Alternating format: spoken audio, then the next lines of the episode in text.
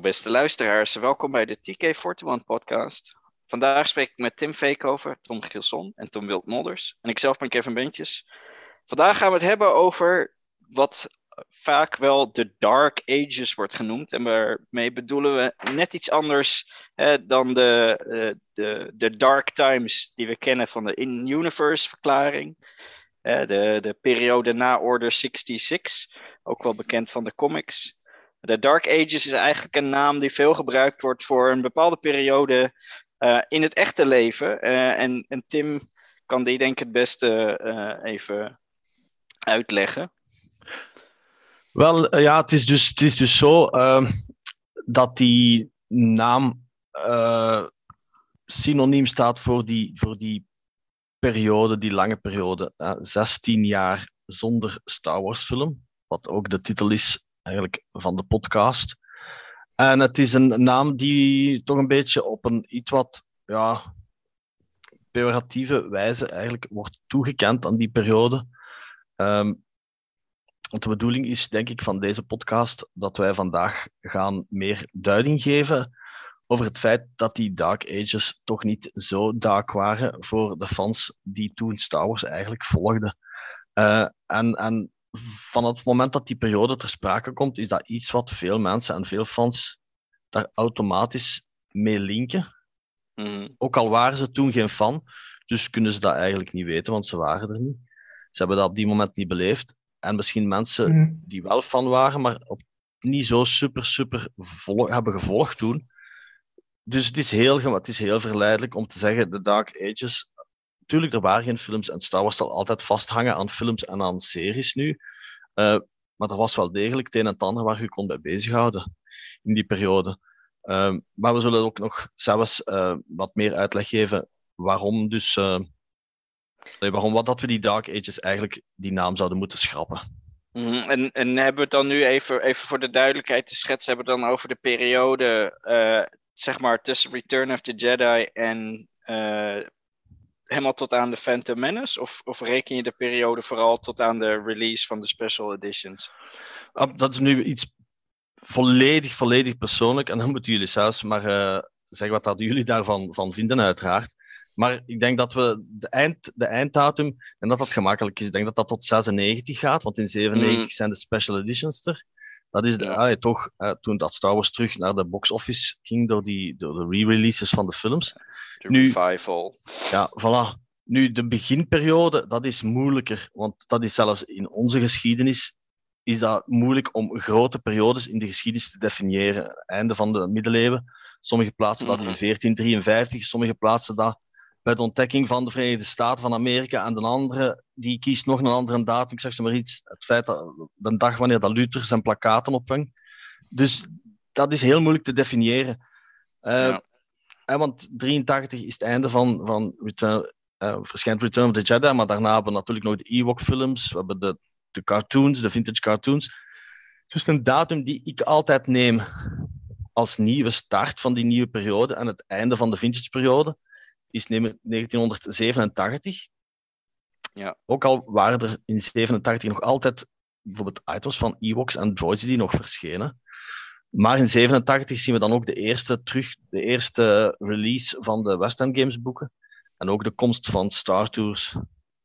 Um, en ik denk dat we die periode tussen 83 en 96 nog kunnen opdelen in twee perioden. Ten eerste 87 tot 90. Een mhm. soort van neo-vintage of neo-classic periode. En dan die 91 tot 96 een soort van begin jaren 90 of renaissance periode. Want die, de items eind jaren 80 en begin, heb ik altijd een, ja, dat, zo, dat zijn hele rare items, vind ik. Ik vergelijk dat een beetje met, met het leven in het, in het Paleoceen. Dus het einde van, van, het, van het secundair, waar de dinosauriërs leven, leefden, was er weer een massa-extinctie.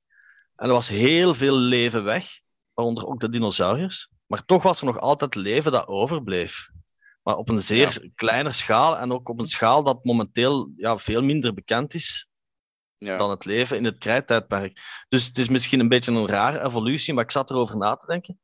En het is een, allee, het is een hele rare metafoor, maar daarmee kan je dat een beetje, beetje vergelijken. Het is, het is geen vintage, het is ook niet modern, omdat in mijn vintage verzameling hebben die zogenaamde nieuwe vintage items, waaronder starters, ook, ook eigenlijk een eigen plaats verdiend, vind ik. Ja.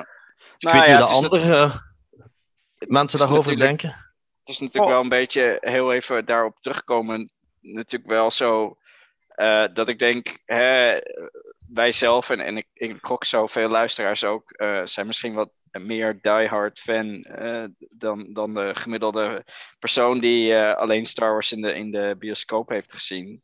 Dus ik kan me daar wel voorstellen dat je daar echt zo'n groot gat hebt. Want ja, wat heb je daar dan aan? Een Ewok tv-film en, en wat cartoons uh, voor de kids maar die, er zaten natuurlijk ook mensen te wachten van waar blijft episode 1 tot en met 3? Uh, en, en die hebben misschien dat gat toch op een andere manier beleefd dan, dan, dan wij zelf. Ja, natuurlijk, dat is ook natuur, uiteraard waarvan dat die naam vandaan komt. Ja. maar ja, het is altijd de perceptie die telt. En de dingen die gebeurd zijn in deze periode hebben ook later hun steen bijgedragen aan het feit dat Star, Star Wars altijd bij de fans is gebleven. En dat het, het heeft nooit eigenlijk volledig stilgelegen. En dat is het grappige eraan, dat hè, die, die Dark Ages, je denkt van ja, er is echt niks gebeurd, maar Star Wars heeft geen enkel jaar stilgelegen. Natuurlijk heeft er in 88, is er in 88 minder gebeurd dan bijvoorbeeld dit jaar. Dat is, dat is evident. Ja. Maar het is niet dat er nooit, nooit iets is gebeurd. Het heeft altijd blijven voort, voortgaan eigenlijk. Een beetje voortsluimeren eigenlijk. Ja, ja, op de achtergrond. Ja, ja, ja. Maar die, die e-book-films, waren die eind jaren 80 te huur in videotheken? Maar de e-book-films... van niet, toch wel, of niet? Uh, ik weet het niet meer. Het is veel te lang geleden, maar ik volgde dat toen niet, dus... Uh... Ik denk dat wel, want de e-book-films zijn in Europa uitgebracht in de cinema, om extra ja. financiën op te brengen. Uh, in Amerika niet. In Amerika waren dat gewoon tv-films. Maar zijn ze ook ah. op, op, op VHS uitgebracht? Ja. Ik denk, vermoed dat ze wel in de videotheken zaten, maar ik ben er niet zeker van. Want in mm. Tiene was er een vrij grote videotheek en ik kan me niet herinneren dat ze daar waren, maar ik kan mij ook vergissen. In Heverlee was er ook een grote videotheek op de Naamse Steenweg. En ik ben aan ver aan het terugdenken of dat daar die video's zaten, ergens in de kindersectie. Ik geloofde, ik had geloofde wel dat die cartoons van Droids, dat die ooit wel een keer op video zijn uitgebracht, ook, dacht ik. Hmm. Maar toen die periode, ja, ik volgde dat zo niet, die uh, Ewok-films. Ik ben fan geworden, alleen na de... Nadat mijn mama een video heeft opgenomen van de Return of the Jedi in 89. En sindsdien ben ik, heb ik die cassettes wel grijs gespeeld totdat een band helemaal afgebroken was. Nu, die speelgoed heb ik toen niet gevolgd zoals Tim. Die vintage speelgoed, allee, ik heb daar niet zo achter gezocht op dat moment. Hmm. Maar ik speelde bijvoorbeeld met Playmobil, met de Ridders bijvoorbeeld, of Space van Lego, deed ik alles na voor toch met iets met Star Wars te spelen bijvoorbeeld. Mhm. In die periode. Ja. Ja, ik weet zelf, uh, ik, ik, ben, ik ben zelf uh, pas, pas fan geworden eigenlijk uh, aan, aan, aan het eind van de Dark Ages en aan het begin van de revival, toen, toen de special editions uitkwamen. Ook omdat ik een videoband heb gezien die mijn ouders van de televisie hadden opgenomen. ik durf niet meer te zeggen of dat al de special editions waren of, of nog de originele. Ehm, we hebben de videobanden vast nog ergens bij mijn ouders thuis liggen. Dus misschien kan ik het nog eens nakijken. Als ik nog ergens een videorecorder kan vinden. Um, maar ik weet wel, um, volgens mij de eerste film die ik toen zag was Empire Strikes Back. En toen hebben we daarna ook in de videotheek uh, uh, de andere films gehuurd. En ik kan me nog herinneren dat ik destijds heel erg in de war was, omdat er dus alleen 4, 5 en 6 waren. Uh, en de Ewok films heb ik zeker niet gezien, want als er ergens Star Wars opgestaan had, dan, dan had ik het wel meegenomen. maar ja, dat waren dus enkel die drie films, uh, wat dus destijds bij de videotheek al de special editions waren. Nu, in Nederland is, zijn de Ewok-films zeker uitgekomen, want Henny Huisman die was daar de verteller van. Mm -hmm. Ik denk dat dus die moeten gedubt zijn geweest, zelfs in Nederland. Ja, nou, ik, heb ze, ik heb ze zelf nooit uh, gevonden in die videotheek bij ons in het dorp. Maar... Ja, ik ben eigenlijk ook fan geworden, net op het eind van die periode, uh, van de Dark Ages, zo gezegd, zo 96, 97 eigenlijk. En ook met eh, ja, Star Wars origineel te zien op Super 8 filmrol. Maar ja, een stukje dan maar. En mijn nong had dan die VHS-tapes. Maar ik weet wel, nadat we die uh, originals hadden gezien, had hij ook, ik denk op tv, waar was een van de twee Ewok-films dus op tv gekomen. Misschien was dat een opname van de BBC of, of misschien toch op uh, VRT van vroeger of, of NPO misschien, ik weet het niet, in Nederland. En dat wij dat ook hebben gezien, want dat was hele slechte kwaliteit, dat kan ik me wel nog herinneren. En dat waren ook ja, stukjes eigenlijk, dat we, dat we vooral hadden gezien. Maar dat herinner ik me wel, een stukje gezien te hebben van de Ewok. Uh, ik denk dat de Ewok Adventure dan was, de eerste film, niet, niet de tweede, denk ik. Um, en ook ja, van die cartoons, daar herinner ik me eigenlijk helemaal niks van. Want ik denk niet dat die op VHS zelfs hier zijn uitgekomen. Want mijn, mijn oom die verzamelde alles. Hij had de vintage figuurtjes allemaal. En hij had de VHS-cassettes, de originals, voordat de special editions er waren. En ik denk niet dat hij iets had van droids of Ewoks, alleszins. Anders had hij dat ook zeker gekocht. Want daar heb ik het ook allemaal leren kennen via hem. Dus ik twijfel er ook aan. Uh, droids, droids moet wel hier op VHS zijn geweest. Ik heb ze zelf ook nooit gezien of gevonden, maar ik heb pas heel recent The Great Heap, dus die televisiespecial van Droids, heb ik online gezien met Nederlandse achterkant. Ah ja, oké. Okay. Mm. Alleen Nederlandstalige, dus die moet wel hier geweest zijn. En is dat echt dan voor België of was dat eerder voor Nederland? Ja, Want alle gaat... twee of misschien heel ja. beperkt. Ja, Droids zijn hier ook nooit pas verschenen toen dat VTM hier was. Mm -hmm. uh, late jaren 80, begin jaren 90 vermoed ik. Ewoks hebben ze wel op tv gespeeld, want dat weet ik als kind dat ik daarnaar heb gekeken. En waar uh, speelde dat dan op? Uh... Waarschijnlijk in Nederland. Op Nederland ah, ja, speelden ze nog eigenlijk veel cartoons. Mm. Ja, want allee, ja, ik ben zelf... allee, ik heb de films begin jaren 80 wel op, op, in de cinema gezien. En ik heb inderdaad veel met het vintage speelgoed gespeeld van Star Wars, maar dat was ook pas eind jaren 80 dat ik uh, meer besefte dat, dat Star Wars vooral films waren. Daarvoor als kind was Star Wars vooral speelgoed. Ja, je kon die films mm. ook niet meer zien. De ene keer dat je die gezien had in de, in de bioscoop was dat, was dat heel moeilijk. Uh, maar eind jaren 80, net als, like als Tom ook al zei, begonnen de films in de videotheek te verschijnen. Dus ja, dan ging je die gewoon constant huren. En je keek die dan twee keer en dan hè, de volgende keer terug opnieuw. Zoals ze dan op televisie verschenen. Dus eind jaren 80 ben ik begonnen met echt alles te zoeken van Star Wars. Gaande van, van comics ja, tot posters, tot boeken. Maar ja, op dat moment, ja, zonder internet. Mm -hmm. uh, Star Wars dan, dan in Europa was het wel degelijk Star Wars. Dat was echt moeilijk om dingen te vinden. Uh, dat was in een periode dat mijn ouders elke vakantie rondreden bij mij.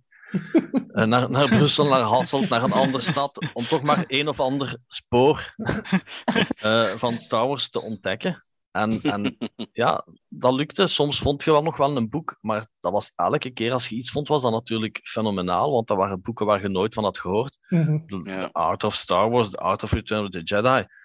Ja, dat waren boeken waar ik nog nooit van had gehoord. Ja, hoe kon het? Hier was niks. Er zijn maar een heel weinig uh, boeken vertaald geweest destijds in de vintage jaren. En er was geen internet, dus je kon niet weten wat dat er, wat dat er eigenlijk effectief allemaal was. En mhm. wat, wat, wat, um, wat is nou eigenlijk um, het belangrijkste verschil, denk je, of, of in, in jouw opzicht? Hè? Want jij bent uh, even onze historicus hier die de tijdsperiodes net heeft ingedeeld. wat, wat is nou het voornaamste verschil tussen de eind jaren 80 en begin jaren 90? Ik denk dat begin jaren, dus de, de, die hele periode, is ingezet met Star Tours en West End Games. Ja. En, en dat is eigenlijk de, de, die zaken hebben Star Wars door de, jaren, door de eind jaren 80 getrokken. Maar dan mhm. begin jaren 90 uh, zijn er toch een aantal andere evoluties gekomen. Uh, onder andere de opstart van het Expanded Universe, uh, dat toen nog niet Expanded Universe heette. Um, en ook onder andere de, de official Lucasfilm uh, fanclub. Die was ook opgericht eind jaren 80.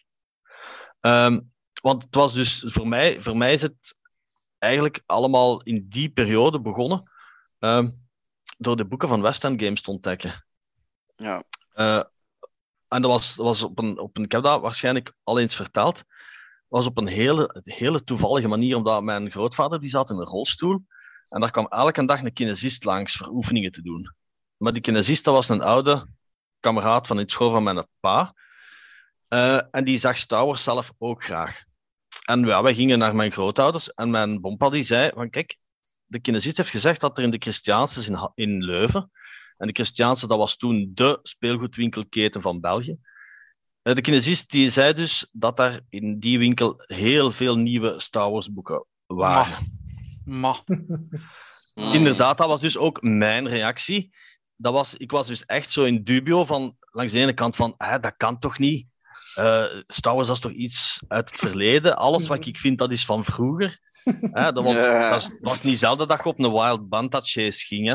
Dat je hoopte van, oh ja, ik ga die muziek vinden van die film en misschien vind ik. En dan was er natuurlijk niks, ja. Hè?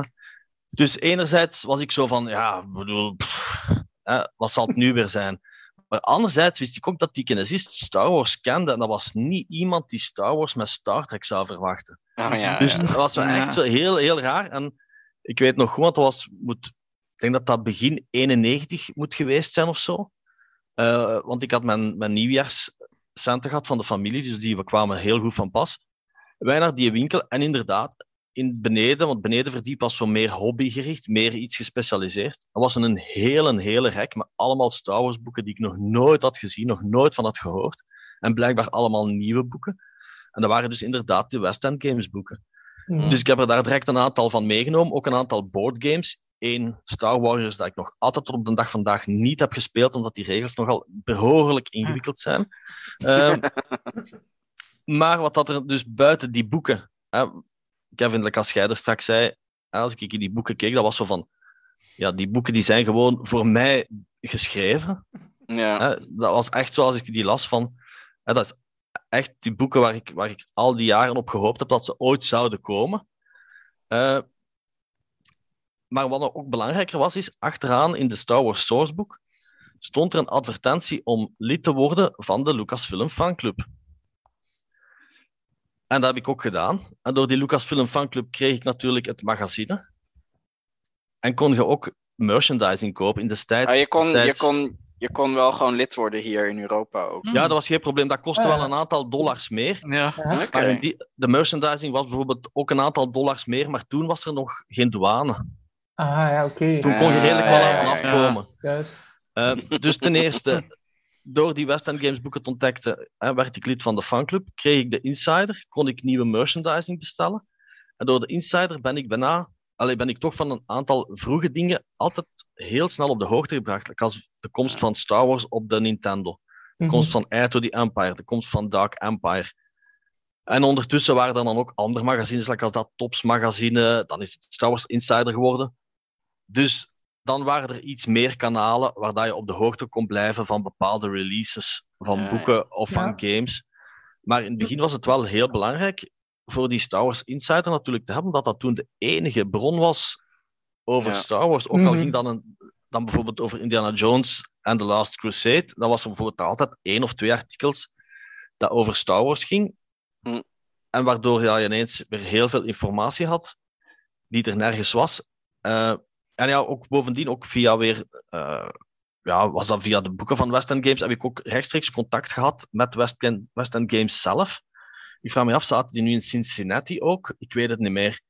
Maar dan heb ik ook van hen een catalogus gekregen, waar dat je dan ook weer via hen boeken kon bestellen. En er was Ah, geen ja. douane, dus Ah, ah, voilà. Mhm. Ja. Ja, maar ik heb, ja. wel, ik heb wel precies een, een, een stap gemist dan.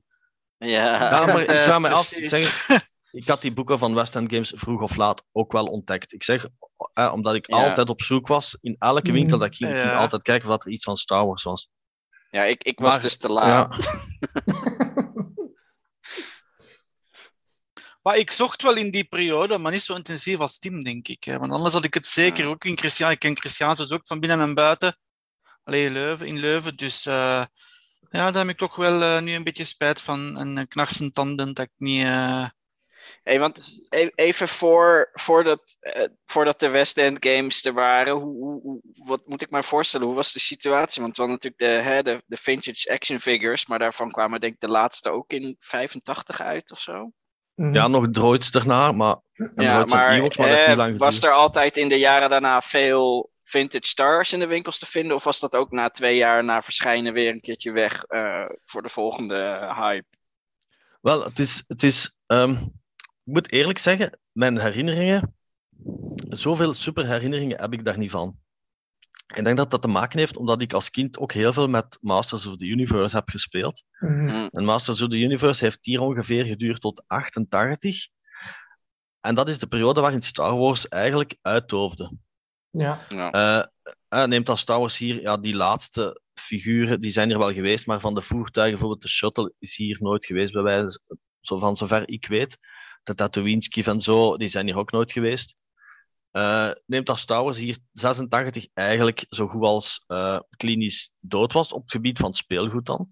Mhm. Ja. Eh, en ik herinner mij inderdaad nog wel dat er een aantal winkels een aantal figuren hadden voor echt ja, spotgoedkope prijzen en zo. En ik heb ook nog wel een keer naar een aantal winkels geschreven, eind jaren 80, of dat ze nog wel wat dingen hadden.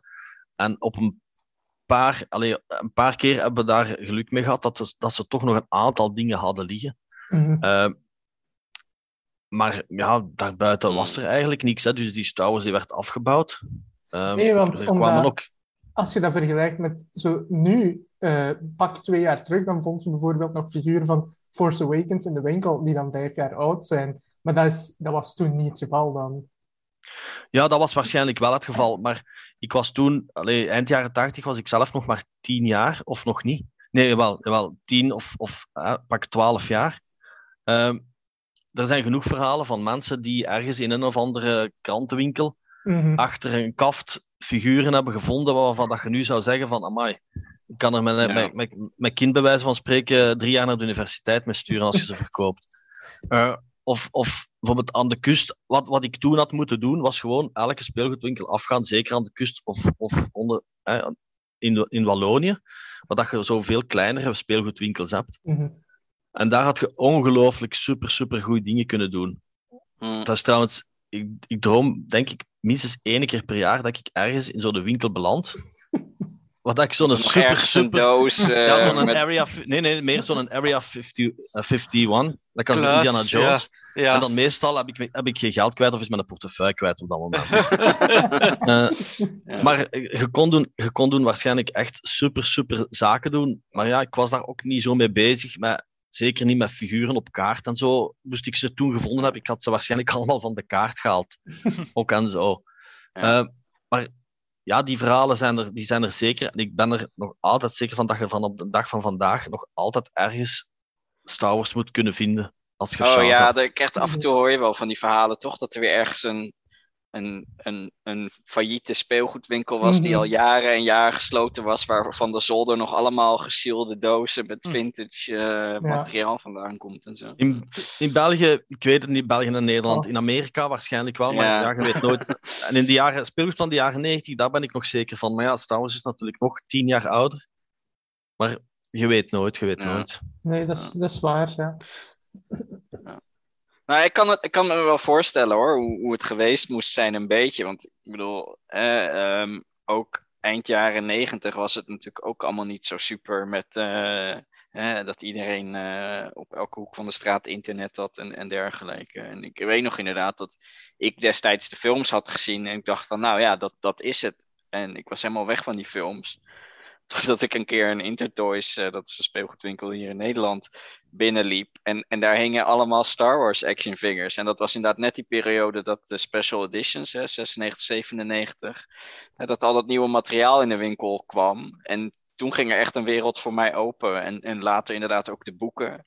Eh, en ik denk nu zelfs, nou, ja, je, je refereerde net al even naar, eh, zeker met, met die West End game dingen, denk ik dat ik, ah shit, ik had er wel even eerder bij moeten zijn.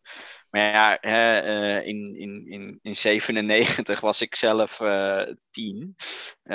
Dus dingen als de West End Games boeken was ik helemaal nog niet mee bezig. Dat was echt nog een beetje buiten mijn denkveld, zeg maar. Ja, wat dat er, wat dat er, nu dat ik even ook terugdenk wat dat er eind jaren 80 wel was, dat waren de rommelmarkten. Hè? Ja, Ja. Tot dus Mm. Tommy, bent ook te vroeg geboren. Inderdaad. Eh, allee, sorry, je bent te laat, laat. te laat, Laat, laat. Ja, want jij bent altijd degene die heel veel interessante dingen vindt op rommelmarkten. Ik heb ook Mhm. wel dingen gevonden en ik heb ook wel bijvoorbeeld, dat was een tijd dat je nog advertenties plaatste, bijvoorbeeld Oh, eh, ja. in een warenhuis, Juist. waren er vaak prikborden. Hup, ik zoek vintage tower speelgoed. En we hebben zo'n paar keer Sjaas gehad. Er was ook iemand die in mijn buurt woonde, die verzamelde ook. Dat we zo samen iets, eh, een, een doos opkochten en dat we bijvoorbeeld onze lach moesten inhouden als we terug in de auto waren. Van, ja, dat we echt wel serieus eh, dingen hadden kunnen kopen. Eh, dus dan, dat is wel een paar keer gebeurd. Ja. Eh, nooit echt super, super, het super grote lot gevonden, maar toch wel een aantal keer dat ik, dat ik ja, als ik al een paar figuurtjes terug verkocht, eh, dat ik eigenlijk uit mijn kosten was. Maar dat is al later hoor, dat is al eind jaren. Ja, dat zijn de dingen die tegenwoordig niet zo gauw meer gebeuren. Nee. Nee, nee, Nee. dat gebeurt niet meer. Nee. Eh, dat was al meer eind jaren, eind jaren 90. Ehm, maar Ik ja, denk eind, dat je nu, eh, nu, nu moet je vooral mazzel hebben. Wil je nog eens een, eh, een vintage action figure in een, eh, eh, in, in een kringloopwinkel tegenkomen Klopt, waarvan men ja. niet weet wat het is? ja, ja, meestal staan ze al achter eh, in de vitrine daar. Mhm. Ja, ja, ja. Hetgeen wat, dat je, wat dat je wel nog vond, eind jaren 80, dat waren de comics, de Marvel comics. Ah, ja. Omdat er veel stripwinkels waren in die tijd, want wij hadden ook zo'n aantal adressen. In Hasselt had je de winkel Wonderland, die bestaat nog altijd, maar dat is nu echt een klassieke stripwinkel gevonden. Maar die importeerde toen ook eh, veel comics uit Amerika en ook merchandising. Hmm. Eh, en dan in de jaren 90 had je ook in, in Brussel een aantal adressen.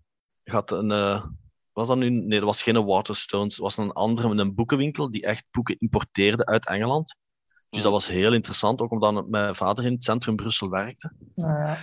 En op de Aanspachlaan, maar die winkel is ook al lang niet meer, had je echt een winkel van klassieke filmmerchandising. Oké. Dus je had echt posters en echt boeken en filmfoto's. En daar heb ik heel veel posters gehaald, bijvoorbeeld ook die van eh, de Coca-Cola posters van Star Wars en Empire Strikes Back. Ah, ja. Eh, die heb ik vandaar ook gehaald. Dus we hadden zo een aantal adressen waar mijn, ja, mijn pa en ma mij moesten naartoe voeren. Eén keer om de zoveel maanden gingen wij daarheen. Eh, en op die manier bleef ik ook dan hier zo'n beetje in de gaten houden wat dat er, wat dat er eigenlijk was. hè. En, en, en heb je ooit de hier in Centruiden, kent je die eh, strip speciaal? Ja. Want ik, ik herinner mij die zelfs nog. Ik bedoel, nu is die ook al twintig jaar of zo leegstaand. Maar die, dat pand bestaat nog. En zelfs voor die vitrine hangt nog een bord van Asterix en Obelix. Of zo, ja, bij wijze van spreken. Dus ik denk, Ik heb daar mijn... Ja, zeg maar zo, Tommy. ja, op de zolder, wie weet wat daar nog ligt op die zolder. Wie weet. Mijn PVC-figuurtjes van Spanje, van C-3PO en R2-D2, die komen daar vandaan. Ah ja, want ik weet, toen ik kind was, heb ik daar ook PVC-figuurtjes voor gekocht, omdat ik toen een grote fan was van Dragon Ball Z als ik thuis kwam als eh, kind om te kijken. En die hadden van die hele kleine, dat je hier in België niet kon krijgen, want dat was niet Mm. uit België. Dus dat zou inderdaad, misschien waren die gespecialiseerd dan een PVC-figuurtjes plus Ja, ja. Eh, en zo. Ik weet wel, want dus in, in die periode was, allee, we hebben thuis redelijk wat strips, niet in die aard dat je je voorstelt met, hè, met van die mensen die echt stripverhalen verzamelen. Nee, maar wij volgden wel een aantal reeksen. En wij gingen daar, ook, wij gingen daar dan ook ene, maar dat was op den duur geen vast adres niet meer, omdat ik wist dat die toch geen Amerikaanse comics hadden Mhm. bijna, en die geen import hadden. Ah ja, ja. Dus daardoor hebben we ondertussen, na verloop van tijd, eigenlijk laten ja, geskipt Mhm. dan gingen we daar niet meer zoveel lenen. Het klinkt wel als een, als een winkel hè, waar je misschien nog een keer even met een koevoet langs moet gaan om te kijken of er nog wat in de zolder ligt. Ja. ja. Een aantal van de dingen die natuurlijk gebeurden in de Dark Ages zijn net al even voorbij gekomen. Maar misschien is het leuk om eh, toch even het lijstje langs te lopen. Om even te kijken, eh, eh, om even een beetje een compleet beeld te krijgen van dat deze ages helemaal niet zo dark waren. En, nou ja, 87, je noemde het al Star Tours. Het duurde natuurlijk wel iets langer voordat we het hier in Europa ook kregen. Dat was pas in 92.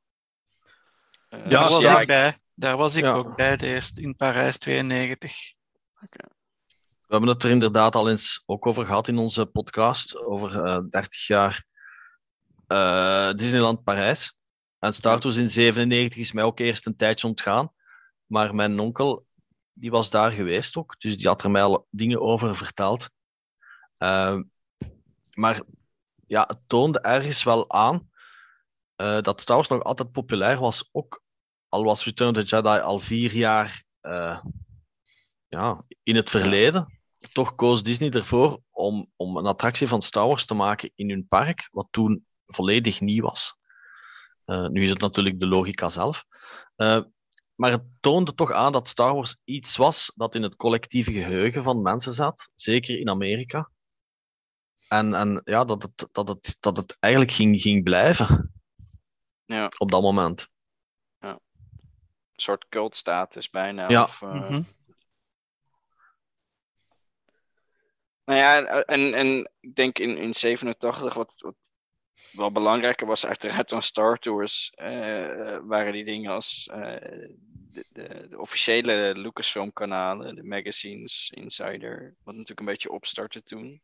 Je zei net al, jij, jij had je al heel snel geabonneerd. Uh... Dat, was nog, dat was niet zo heel snel. Want ik geloof dat mijn eerste nummer, nummer uh, als ik me niet vergis, nummer 14 was. Oké. Okay. Maar ik heb dan altijd wel een aantal backnummers kunnen bestellen. Want mm -hmm. in het eerste nummer dat ik kreeg, uh, of was dat nummer, ik kan me vergissen, het kan ook vroeger, iets vroeger zijn geweest, misschien nummer 12 of zo. Maar ik had wel geluk, want in mijn eerste nummer werd direct uh, Star Wars op Nintendo aangekondigd en Air to the Empire. Ah, ja. uh, hmm. Dus ik was zo net die reeks magazines van The Last Crusade gepasseerd. Mm -hmm. Ah, ja. En dan, dan uh, kwam het, was het net daarover. En hoe vaak kwam dat toen dan uit? Was dat één keer per maand of twee maanden dan? Of, Nee, ik, als ik me niet vergis, maar ik kan mij ook vergissen, dan was dat vier keer per jaar. Ah ja, oké. Okay, ja. En die eerste magazines, die zijn echt, ja, ik het zeggen, die zijn echt heel interessant om, om te bekijken, maar ze zijn ook echt heel triest. Het, Ja. het, tweede, het tweede magazine gaat dan over Star Tours. Dan zeg je van, oh, nieuw, daar gaat zoveel van Star Tours in staan, dat is gewoon één pagina. Eh, en, en ja, daar staan echt hele gekke dingen in over, over een artikel over Maniac Mansion. Uh, niet over het videogame van LucasArts, maar wel, daar is een serie van verschenen in Canada. Uh, die ik zelf ook nog nooit gezien heb, waar dan niemand heeft van gehoord. Want ik ben zelfs gaan opzoeken op Wikipedia of dat die serie er ooit is geweest. En die is er wel degelijk ooit geweest. Dus echt van die dingen, of artikels over Tucker, the man and his dream. Ja, wie interesseerde zich daarin? Ja, maar dat, dit, dit was natuurlijk wel voordat het Star Wars Insider werd. Hè? Dus... Ja, ik bedoel, het is ook Mhm. logisch, omdat er was toen ook... Nou ja, ik moet zien dat ik het mijn eigen niet tegenspreek, maar, maar in die periode, er was natuurlijk veel minder van Star Wars. En ja, Mhm. ze konden ook natuurlijk niet heel het boekje vullen met West End Games of met lijsten, prijslijsten van, van vintage figuurtjes of zo. En inderdaad, dat was de Lucasfilm Ja. fanclub. Dus eh, ja, Willow en, en andere films, die waren toen in productie. Star Wars was echt ja, door Lucas op een, op een lager vuurtje gezet, hè, door, om verschillende redenen. Eh, dus het was ook normaal dat ze aan die andere films aandacht schonken. Natuurlijk, ik heb die andere films ook altijd graag gezien, zeker en vast Indiana Jones. Maar ja, dat was toch ook altijd een beetje een ontgoocheling. Als, ik, als je dan een magazine kreeg en er stond dan bijvoorbeeld echt bijna niks in van Star Wars, was ook altijd zoiets van, ach ja, Ja. toch. Hè? Ja, ik zie, ik zie hier dat het echt pas vanaf nummer 23 echt omgedoopt werd naar Star Wars Insider. Dat was in 1994. Eh, dat was toen ook die TIE Fighter game uitkwam. Ja. Ja. Dus ik neem aan. Ik moet zeggen, ik, ik, ik, heb, ik heb wel een soortje van die oude boekjes. En ik heb ze ook allemaal digitaal. Ehm, maar het is heel lang geleden dat ik erin heb gekeken. Dus, ehm, maar ik neem aan dat ze op het moment dat het Star Wars Insider heette. ook voornamelijk over Star Wars ging dan. ja, vanaf dat moment eh, waren er ook de, de andere productie eigenlijk ook minder. Young Indiana Jones Chronicles, dat was bezig. Sowieso. En het was ook in die periode dat Lucas aankondigde dat hij eh, aan de prequels ging beginnen. Mhm. Eh, het was ook in die periode dat de acteurs uit de classics, bijvoorbeeld eh, Jeremy Bullock, Peter Mayhew, Anthony Daniels, Kenny Baker, dat die wat meer in de picture begonnen te ko- komen te staan. Ook Mm. omdat die al begonnen in Amerika met een aantal eh, ja, conventietours te doen. Ja, ja. Dus dat was ook de eerste keer dat wij zagen, enfin, dat ik toch zag hoe dat die mensen eruit zagen. Ehm, dus vanaf dat moment is het, is het inderdaad eh, overgeslagen naar Star Wars, omdat men toen ook al veel meer dingen had om, om eigenlijk het magazine mee te vullen. En Nou ja, wat nee. team, Ja. team, wat was uw eerste conventie waar dat jij eh, in real life een Star Wars acteur hebt ontmoet? Ehm, ik had eerst ook eens contact gehad met Mike Edmonds, dus Lawgrave via post, via briefwisseling. Maar de eerste keer dat ik echt mensen heb ontmoet, was in eh, de winkel in Brussel, in Forbidden Zone, in het najaar van, eh, ik denk, 98, denk ik. Ja, dat was in Ah. 98. Ah. En dat was een winkel in Alsenberg aan het Zuidstation in Brussel. En daar waren Jeremy Bullock, Dave Prowse, Peter Mayhew en Dave Dorman, die tekenaar. En dat was Mhm. de eerste keer dat ik die mensen daar heb ontmoet. En dat was super plezant, want in de namiddag hadden die nog heel weinig te doen. ja. Dus we hebben die alle, alle drie lang en heel, heel relaxed kunnen interviewen voor het magazine. Ja. En dat was heel bizar om die mensen te ontmoeten, want ja. Je had die uiteraard, alleen je kende die vooral van die personages, maar Mhm. nu, Mhm. nu Ja. zag je ook echt de persoon die daarachter Ja. zat. Want ja, nu is dat redelijk normaal dat als je naar een conventie gaat, daar een ja, acteurs zitten uit films of series, maar toen was dat echt niet... Ja, in België bestond dat niet echt, denk ik, daarvoor. Hè. Nee, Fax stond toen ook nog echt toch in zijn kinderschoenen. En dat was, ja, Fax dat was een veredelde vintage, vintage markt toen. Dat, Mhm. nou, waar kwamen wel een aantal comic artists al, of, of schrijvers van comics in het begin. Enfin, toch nog een paar edities, maar van acteurs was er nog geen sprake. Dat was iets later. Ja. En nou ja, je had het er eerder ook al over met, met natuurlijk die magazines. eh, werden we eh, eindelijk op de hoogte gebracht van alle nieuwe boeken, vooral die eruit kwamen ook. Eh, ik, ik denk dat er, nou ja, West End Games hebben we al genoemd, eh, maar ook de Expanded Universe begon. Ehm, wat, wat vond je zelf interessanter? Nou ja, ik, als, ik, als ik Tim een beetje ken, dan is natuurlijk de West End Games stukken interessanter dan de Sawn Trilogy. Ehm, Maar toen, toen was dat, lag dat toch anders, omdat die, dat Expanded Universe. Allee, ik ben altijd een fan geweest van het, van het Expanded Universe tot op een bepaald moment dat ik vond dat ze het zelf eigenlijk om zeep heb- hebben geholpen. Mhm. mm, Want to the Empire heeft nog een kennis. To the Empire en Dark Force Rising heeft een, een kennis die was op reis in New York en die heeft hij voor mij meegenomen vandaar. En ik vond het echt super boek. Ik heb die echt heel veel gelezen. Zeker Heir to the Empire. Een ander voordeel van die boeken en West End Games te lezen, ik heb voor Engels in het middelbaar nooit een klop moeten doen. Ik heb nooit gestudeerd, hoogstens een paar woordjes. En voor de rest ging ik daar bij wijze van spreken, kon ik daar bij wijze van spreken al, al half slapend dat examen doen. Dan was ik er nog door. Eh, maar allee, ik, vond die, ik vond die boeken echt heel interessant. Eh, ook omdat die hier toen, ja, die zijn daar later wel in het Nederlands vertaald geweest. Eh, en ook omdat West End Games, West End Games maakte toen nog sourceboeken over leesboeken. Dus Ja. dat is hetzelfde als we nu moesten, ik zeg nog wel, een sourceboek krijgen over, over het Brotherhood, dat, dat het recente boek bijvoorbeeld, Ja. dat zich Ja. afspeelt in het begin van de Clone Wars. Dus dat zijn dingen dat we ons nu totaal niet meer kunnen, kunnen voorstellen. Of, nee. maar dat, dat, ja, dat, dat deed West End Games toen in die tijd. Maar was dat ook niet heel belangrijk, omdat de eerste nieuwe avonturen waren van Luke, Han en Leia. Ik bedoel, buiten de Marvel Comics was dat echt Ja. een nieuw verhaal, een nieuwe trilogie toch? Dus voor veel mensen toen, eh, gelijk eh, jij Tim, die die periode bewust heeft meegemaakt, waren dat echt waren, dat niet films bijna, maar dan in boekvorm. Of, Ja, Zieke- dat, ja voor mij ook eigenlijk. Ja, ja, echt een vervolg, vervolg, ja. hè? ja. Maar ik, ik heb wel altijd rekening van gehouden, want dat stond ook in de West End Games sourceboeken. Daar stond altijd bij van, kijk, het verhaal is de visie van de schrijver en niet noodzakelijk de visie van George Lucas. Mm, Ja. ja. dus ik heb ja. er altijd wel rekening mee gehouden van, kijk, ja, als Lucas ooit zegt van, ik ga toch de films maken na Return of the Jedi, ja, dan gaat er een probleem zijn, want hij gaat altijd zijn eigen ding willen doen. ja, dat klopt. Ja. Eh, maar eh, ja, om, om terug te komen op die boeken. eh, er zijn nog wel een aantal andere, denk ik, interessante boeken. En dat zijn ook de eerste sourceboeken van, van Dalray. De Essential Guides kwamen toen ook op. Juist, ja.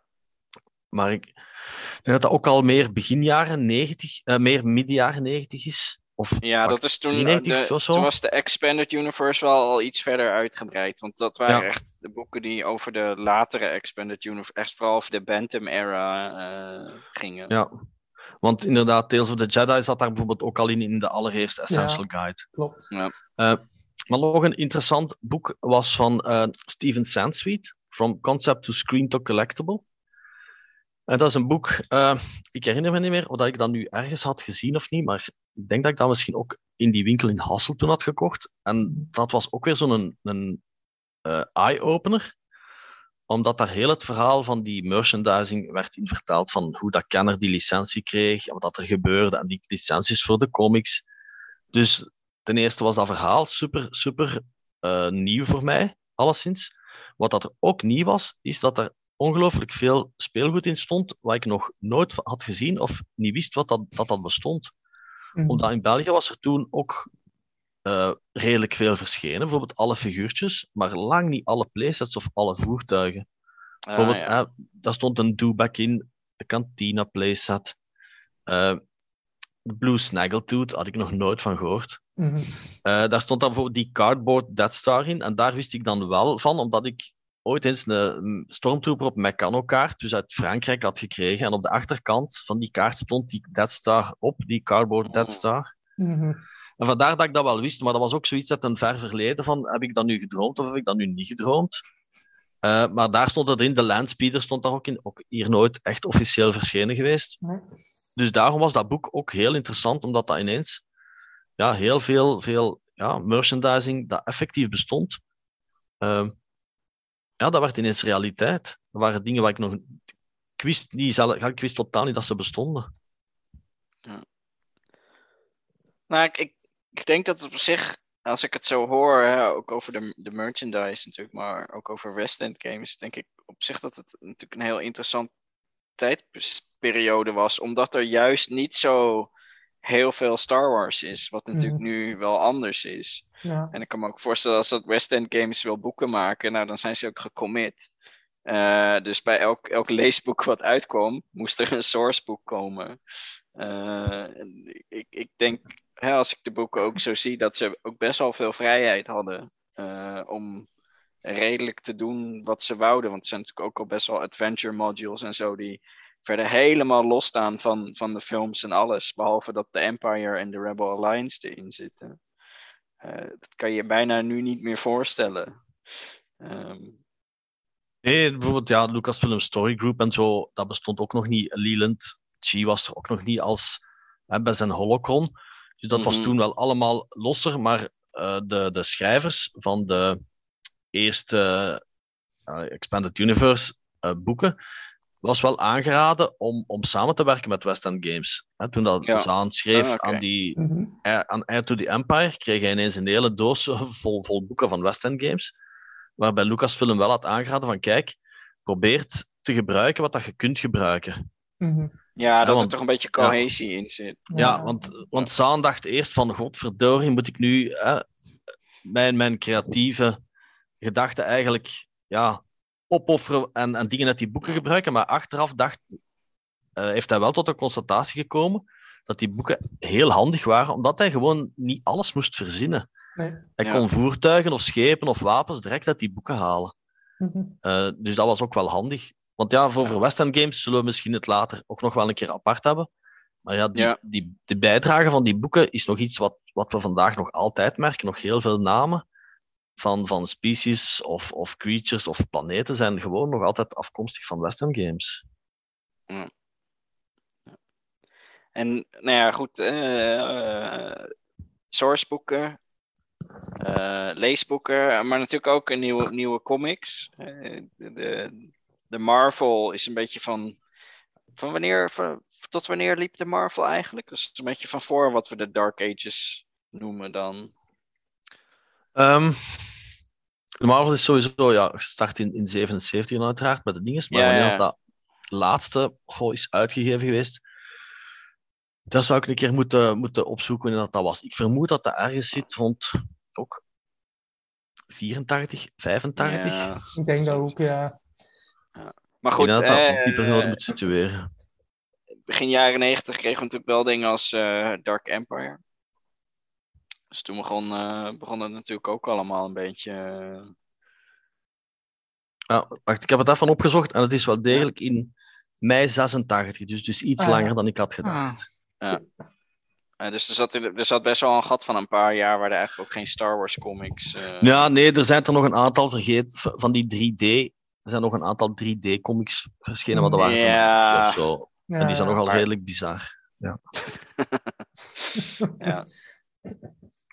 En, en, eh, maar goed, eh, eh, 1991, Dark Empire. eh, had je die toen ook meteen te pakken? Of, eh, Dark Empire heb ik ook leren kennen, weer via die Insider. En die heb ik ook eh, gevonden, ook weer via een aantal winkels. De winkel in Hasselt, maar dat was dan moeilijk, omdat dat natuurlijk vijf delen waren. Mhm. En ja, iedereen kent dat wel. Dan ging je naar daar, dan vond je deel 3, maar ja, ja. deel 1 en 2 vond je dan niet Mhm. meer. Dus dan moest je dat weer via een andere eh, manier vinden. Gelukkig zijn die ook in Engeland uitgebracht. Dat was een ander formaat. Die waren zo'n meer A4-formaat. Ja, Eh, en daar zaten ook nog comics in van Indiana Jones. Maar zo heb ik dan het verhaal wel, wel volledig kunnen volgen. Ehm,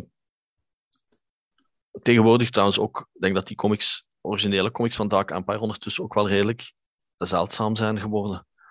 Eh, en voor de mensen die ze hebben, ik zou zeggen, houd ze, houd ze redelijk goed bij. Doe er voorzichtig mee. Ja. Ja. Ja. Nou ja, maar goed, het was ook wel weer. Dus ook, ook een. In die periode een, een soort beginperiode van allerlei licenties. hè. Dus je had de, leesboeken. eh, Dark Horse kwam met comics. eh, maar natuurlijk ook wat merchandise dingen wel. Eh, de vintage figuren was natuurlijk einde oefening. Eh, en voordat we de Power of the Force 2 kregen, eh, dat duurde even, want dat kwam pas eh, toen de special editions uitkwamen. Ehm, maar er zijn wel andere speelgoedlijnen uitgekomen, toch? In die periode, een beetje begin jaren 90. Ja, er zijn er een aantal en, en er waren altijd wel een aantal geruchten dat Kenner ging terugkomen. Hm, Eh, maar wat bijvoorbeeld uh, Tops bracht ook weer nieuwe eh, trading cards uit. Onder andere die White Vision sets van de drie films. Ja. Waar dat je dan ineens heel veel foto's kreeg van de films. Want ja, dat was toen niet evident, want je kon je DVD niet op pauze zetten, want DVD bestond niet. Eh, dan had je Just Toys, die bij hun befaamde die, eh, die Bandams kwamen. Dat waren die figuren met die eh, soort van ijzeren draad in.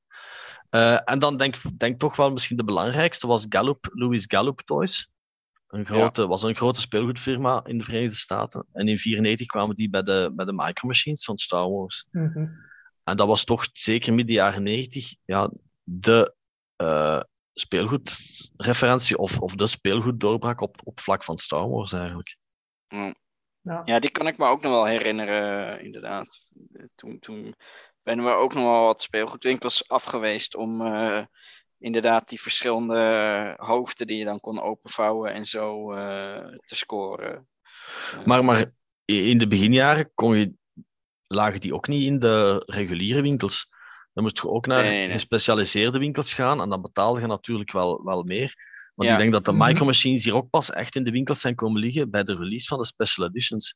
Dus toen waren Ja, er al drie Ja, jaar gepasseerd. Kijk, ik, ik, ik, ik kan natuurlijk alleen maar spreken over na de release eh, van de special editions. Maar ik, ik weet wel inderdaad, de micro machines waren niet zo goed te vinden als, als zeg maar toen de Power of the Force 2 ook. En het was ook inderdaad speciaal winkels die hè, meer, meer ook waar ze modeltreinen en zo verkochten. Die hadden dan ook de micro machines.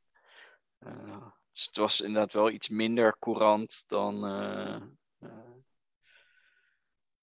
de action figures, zeg maar.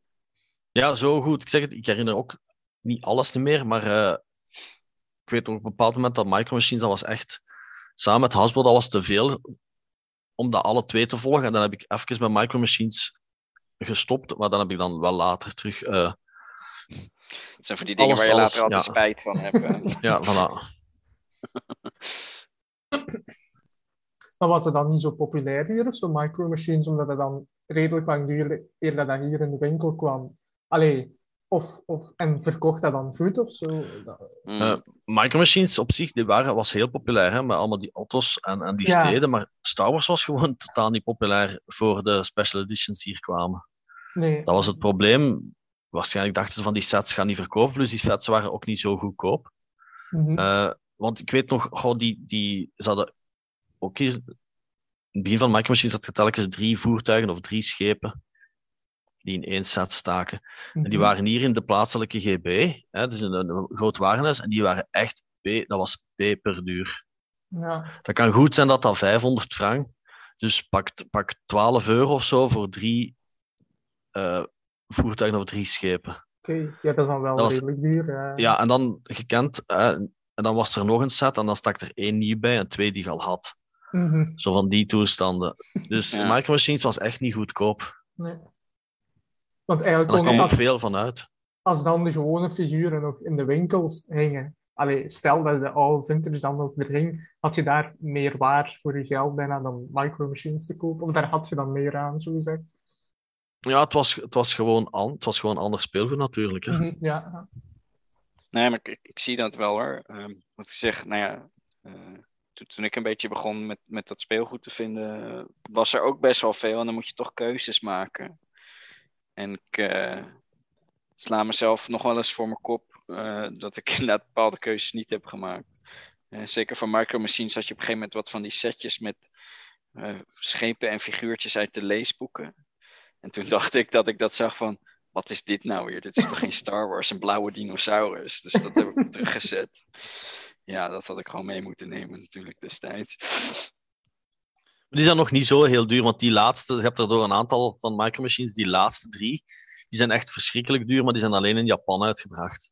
Ja, ja. Dus ja, dat zijn niet echt reguliere. Je kunt die af en toe een keer tegenkomen, maar betaalt je echt blauw aan. Mhm. ja. Nou ja, maar gewoon het idee, weet je wel, dat je eh, destijds voor, nou ja, ik wou zeggen, niet heel veel geld, maar dat was natuurlijk eh, vier maanden zakgeld, eh, had kunnen kopen. En tegenwoordig moet je er toch wel wat meer moeite voor doen. Ja, zeker. Eh, en, en, en een ander ding wat natuurlijk uit, uitkwam in de periode waren natuurlijk Star Wars games. We hadden het net al even over 1994 eh, met de rebranding van de Star Wars Insider. Dat dat tegelijk viel met TIE Fighter. En je noemde zelf al, eh, wat zei je, eh, Super Nintendo. De NES games, hè, dat Oh, de noemt. NES, de, ja. De NES, de Star Wars NES games. Het enige dat ik mij nog weet van de oude games, dat is X-Wing versus TIE Fighter. Dat, waren, dat was dus het eh, spel dat ze samen uitgebracht hadden. Dus de X-Wing en TIE Fighter eh, samen dan eigenlijk. Dat was in 95 of zo. Die heb ik wel veel gespeeld op de computer. Maar zo de Star Wars NES games. Ik had een Super ik had een Nintendo NES. Maar dat Star Wars game heb ik nooit, nooit eigenlijk gespeeld. En de rest, Ja. zoals Rebel Assault, ook niet. eh, nee. De meeste spelletjes, ik heb toen wel redelijk wat games gespeeld. Dus als ik al had gezegd, die Star Wars Nintendo, dat wist ik ook weer via de Inside dat die ging komen. Dus dat was regelmatig naar die, die Christiaanse gaan in Tiene dan, waar ik woonde, voor te zien dat dat spel er was. Eh, en ja, op een, dag, op een dag was het er. Ik heb dat spel Niet ongelooflijk... pre-orderen. Nee, dat ging toen niet in die tijd. En, en het, het geluk was, dus eh, Star Wars en ook en The Empire Strikes Back, maar dat is pas heel. En The Empire Strikes Back is pas, denk ik, heel, heel eh, kort verschenen hier. Dat heb ik zelfs nog gevonden in Duitsland ooit. Eh, omdat dat echt op het einde was van, de, van het Nintendo Entertainment System, dus de NES eigenlijk. Mhm. Dat toen de Super Nintendo al begon eh, door te dringen. Maar omdat die twee games dus op het einde van die NES-periode uitgebracht waren, waren dat eigenlijk goede games. Eh, want in de betere speelgoedwinkels kon je wel je eh, Nintendo-spelletjes even testen. Maar cassettes van Nintendo waren toen redelijk duur. Ik geloof dat dat toen drie- 3000 frank was. Oh ja. Eh, dus dat is toch eh, pakt ja, 60 euro of, of Mhm. Oh Ja, of- een, of- eh, ja. Een nieuwe Iets game meer zelfs? is ook, is ook 60 euro, dus ja. Ja, ja. maar als je het corrigeert voor inflatie. Ja, klopt, klopt. En in die tijd had je ook nog echt heel slechte spelletjes, ook voor Nintendo. Mhm. Eh, nu kun je die allemaal online spelen en als het er niet aanstaat, ja, dan doe je ze gewoon weg na twee minuten. Mhm. Maar die van Star Wars die waren gelukkig heel goed. Hè. Die, die, allee, die ken ik eigenlijk bij- zo goed als van buiten. Eh, omdat ik die echt zo vaak gespeeld heb. En, en Super Star Wars, eh, mijn neef die had een Super Nintendo. Nog altijd de beste console aller tijden volgens mij. Eh, dus ik heb Super Star Wars heb ik even op Super Nintendo gespeeld, maar daarna via een emulator. Ze allemaal gespeeld en uitgespeeld. En wat dat, dat was natuurlijk super handig, omdat je bij een emulator kon je eh, saven waar dat je wilde. Mhm. En dat was bij die Super Star Wars games wel heel, heel handig, omdat die enorm moeilijk zijn. dus dat was even een super meevaller. En, en ja, X-Wing heb ik ook veel gespeeld. Ook weer via Insider leren kennen. En dat was ook via op onze eerste computer thuis. Dat was nog Windows 3.11. Hm. Eh, en dan ja. dat spel gekocht en dan moest die terug binnen bij de winkel, omdat die onvoldoende... Ja, was dat Ramgeheugen, rammen. werk, ramgeheugen, ja. Ja, ja, ram, ram, Ja. ja, ja, ja, ja. Ah, En dus dan moest hij weer twee weken binnenbuiten. Ja. weer al, ja. En dan ging dat dan. En dan moest je bij die muis, want ik had geen joystick, dat was altijd bij die muis dat je moest ja. bewegen voor, voor je X-Wing eh, te doen bewegen. Want met een joystick, dat was veel te gevoelig. Dat was, het minste Ja. dat je daarbij bewoog zat, je al bij wijze van Ja. spreken in een andere sector. Eh, maar daar heb ik heel veel op gespeeld en ook heel veel op gevloekt, want X-Wing was ook een heel moeilijk spel eigenlijk. Die spellen, dat, dat herinner ik me ook, dat dat niet zo simpel was om dat te besturen, ook niet. Mens, mensenlief. Maar Ja, dat, was wel eh, tof, dat was wel tof dat je alle voet, met alle voeten kon vliegen. Hè? Ja, ja, je kon ook met een B, bij de in expansies kon je ook zelfs met een B-Wing vliegen. Ja, ja. Hm. Eh, want ja, die games, eh, X-Wing heeft ook prijzen gewonnen. Ah, Eh, dus eh, dat waren ook echt, echt goede games, omdat LucasArts was ook zeer bekwaam in het maken van die simulator games. Dat hadden ze al gedaan met de Battle of Britain bijvoorbeeld, geloof ik eind jaren, eind jaren 80 of begin jaren 90. Eh, dus dat team eh, wist wel degelijk waar dat ze mee bezig waren. Dus dat waren echt gewoon hele, hele goede games. Zeker op dat Mm. moment, omdat LucasArts was toen ook eh, een van de eh, grootste game, game eh, ja, producenten. Hè. Mhm. En ik heb het even nagerekend. eh 60 euro in 1991 is Ja. 112 euro nu. Oké. Ja, voilà. Dus dat is bijna verdubbeld. Ja. Ja. Eh, ja. Hey, een, een van de laatste dingen die ik nog even wil aanstippen is... eh, je zei net al dat je ooit eens wat eh, acteurs hebt ontmoet eh, in, in een winkel. Hoe- zat het eigenlijk verder met, met conventies? eh, op gebied van, van Star Wars. En natuurlijk niet conventies eh, over breien, maar eh, waar, waar Star Wars een rol speelde in, in die jaren. Hadden we Wel, dat het, hier? het enige wat ik, wat ik kan vertellen is inderdaad ook wat dat het hier is. En dat viel zo'n beetje samen met eh, het ontstaan van, van TK421 in, in 1997. Fact is iets ouder. Ik denk, oh, ik kan me vergissen, maar Fact is van 93 of 94 die eerste keer. 95, zo, ja, dan is het 95, zo de eerste grotere Facts is- facts, Ja, 95. ja, want daar ben ik geweest en toen heb ik eh, Yves de Meijer leren kennen, die dan begonnen is met de voorloper van TK421. Dat heb ik, dat Mm. denk ik uitgelegd in onze introductie-episode. En Fax, dat was toen, ja, dat was in een soort van cultureel centrum. En dat was eigenlijk een soort van veredelde rommelmarkt. Want ja, gaat natuurlijk alleen maar vintage speelgoed daar. Ja, ja, Omdat ja. er, ja, er was geen modern, of eh, er waren een aantal dingen. Eh, maar verder was er eigenlijk niks. Soms dan een keer, ja, ik was in die winkel dan in Brussel. Eh, dan heb je ook die befaamde conventie gehad in 98 in Aalst, waar dat er meer, eh, alleen waar dat de, de acteurs eh, de bezoekers kenden in plaats van andersom. Ja. Eh, dus dat was ongelooflijk weinig volk op die conventie. Ehm, Nee, Oh, was ja. er misschien ook niet zoveel animo voor, gezien we, nou ja, eh, wat je zegt, toch een beetje eh, in, in, een, in een soort dipje zaten. eh, maar Star Wars was toen al wel populair, maar het landschap ja, toch. eh, van, van allee, waarin wij toch ons vaak bevinden, was toen helemaal anders. Omdat gaat toen Star Trek, Star Trek was toen nog populair. Ja. Gaat Star Wars dat terug aan het opkomen waren. Maar voor de rest, ja, Lord of the Rings, dat was toch al een beetje meer echt niche. Dat was alleen maar een boek Mhm. natuurlijk. Ja, en had wel superhelden, maar superhelden, dat waren toch vooral comics. Ja. Als je Ja. aan de hulk dacht, dacht je niet aan die raar serie op tv.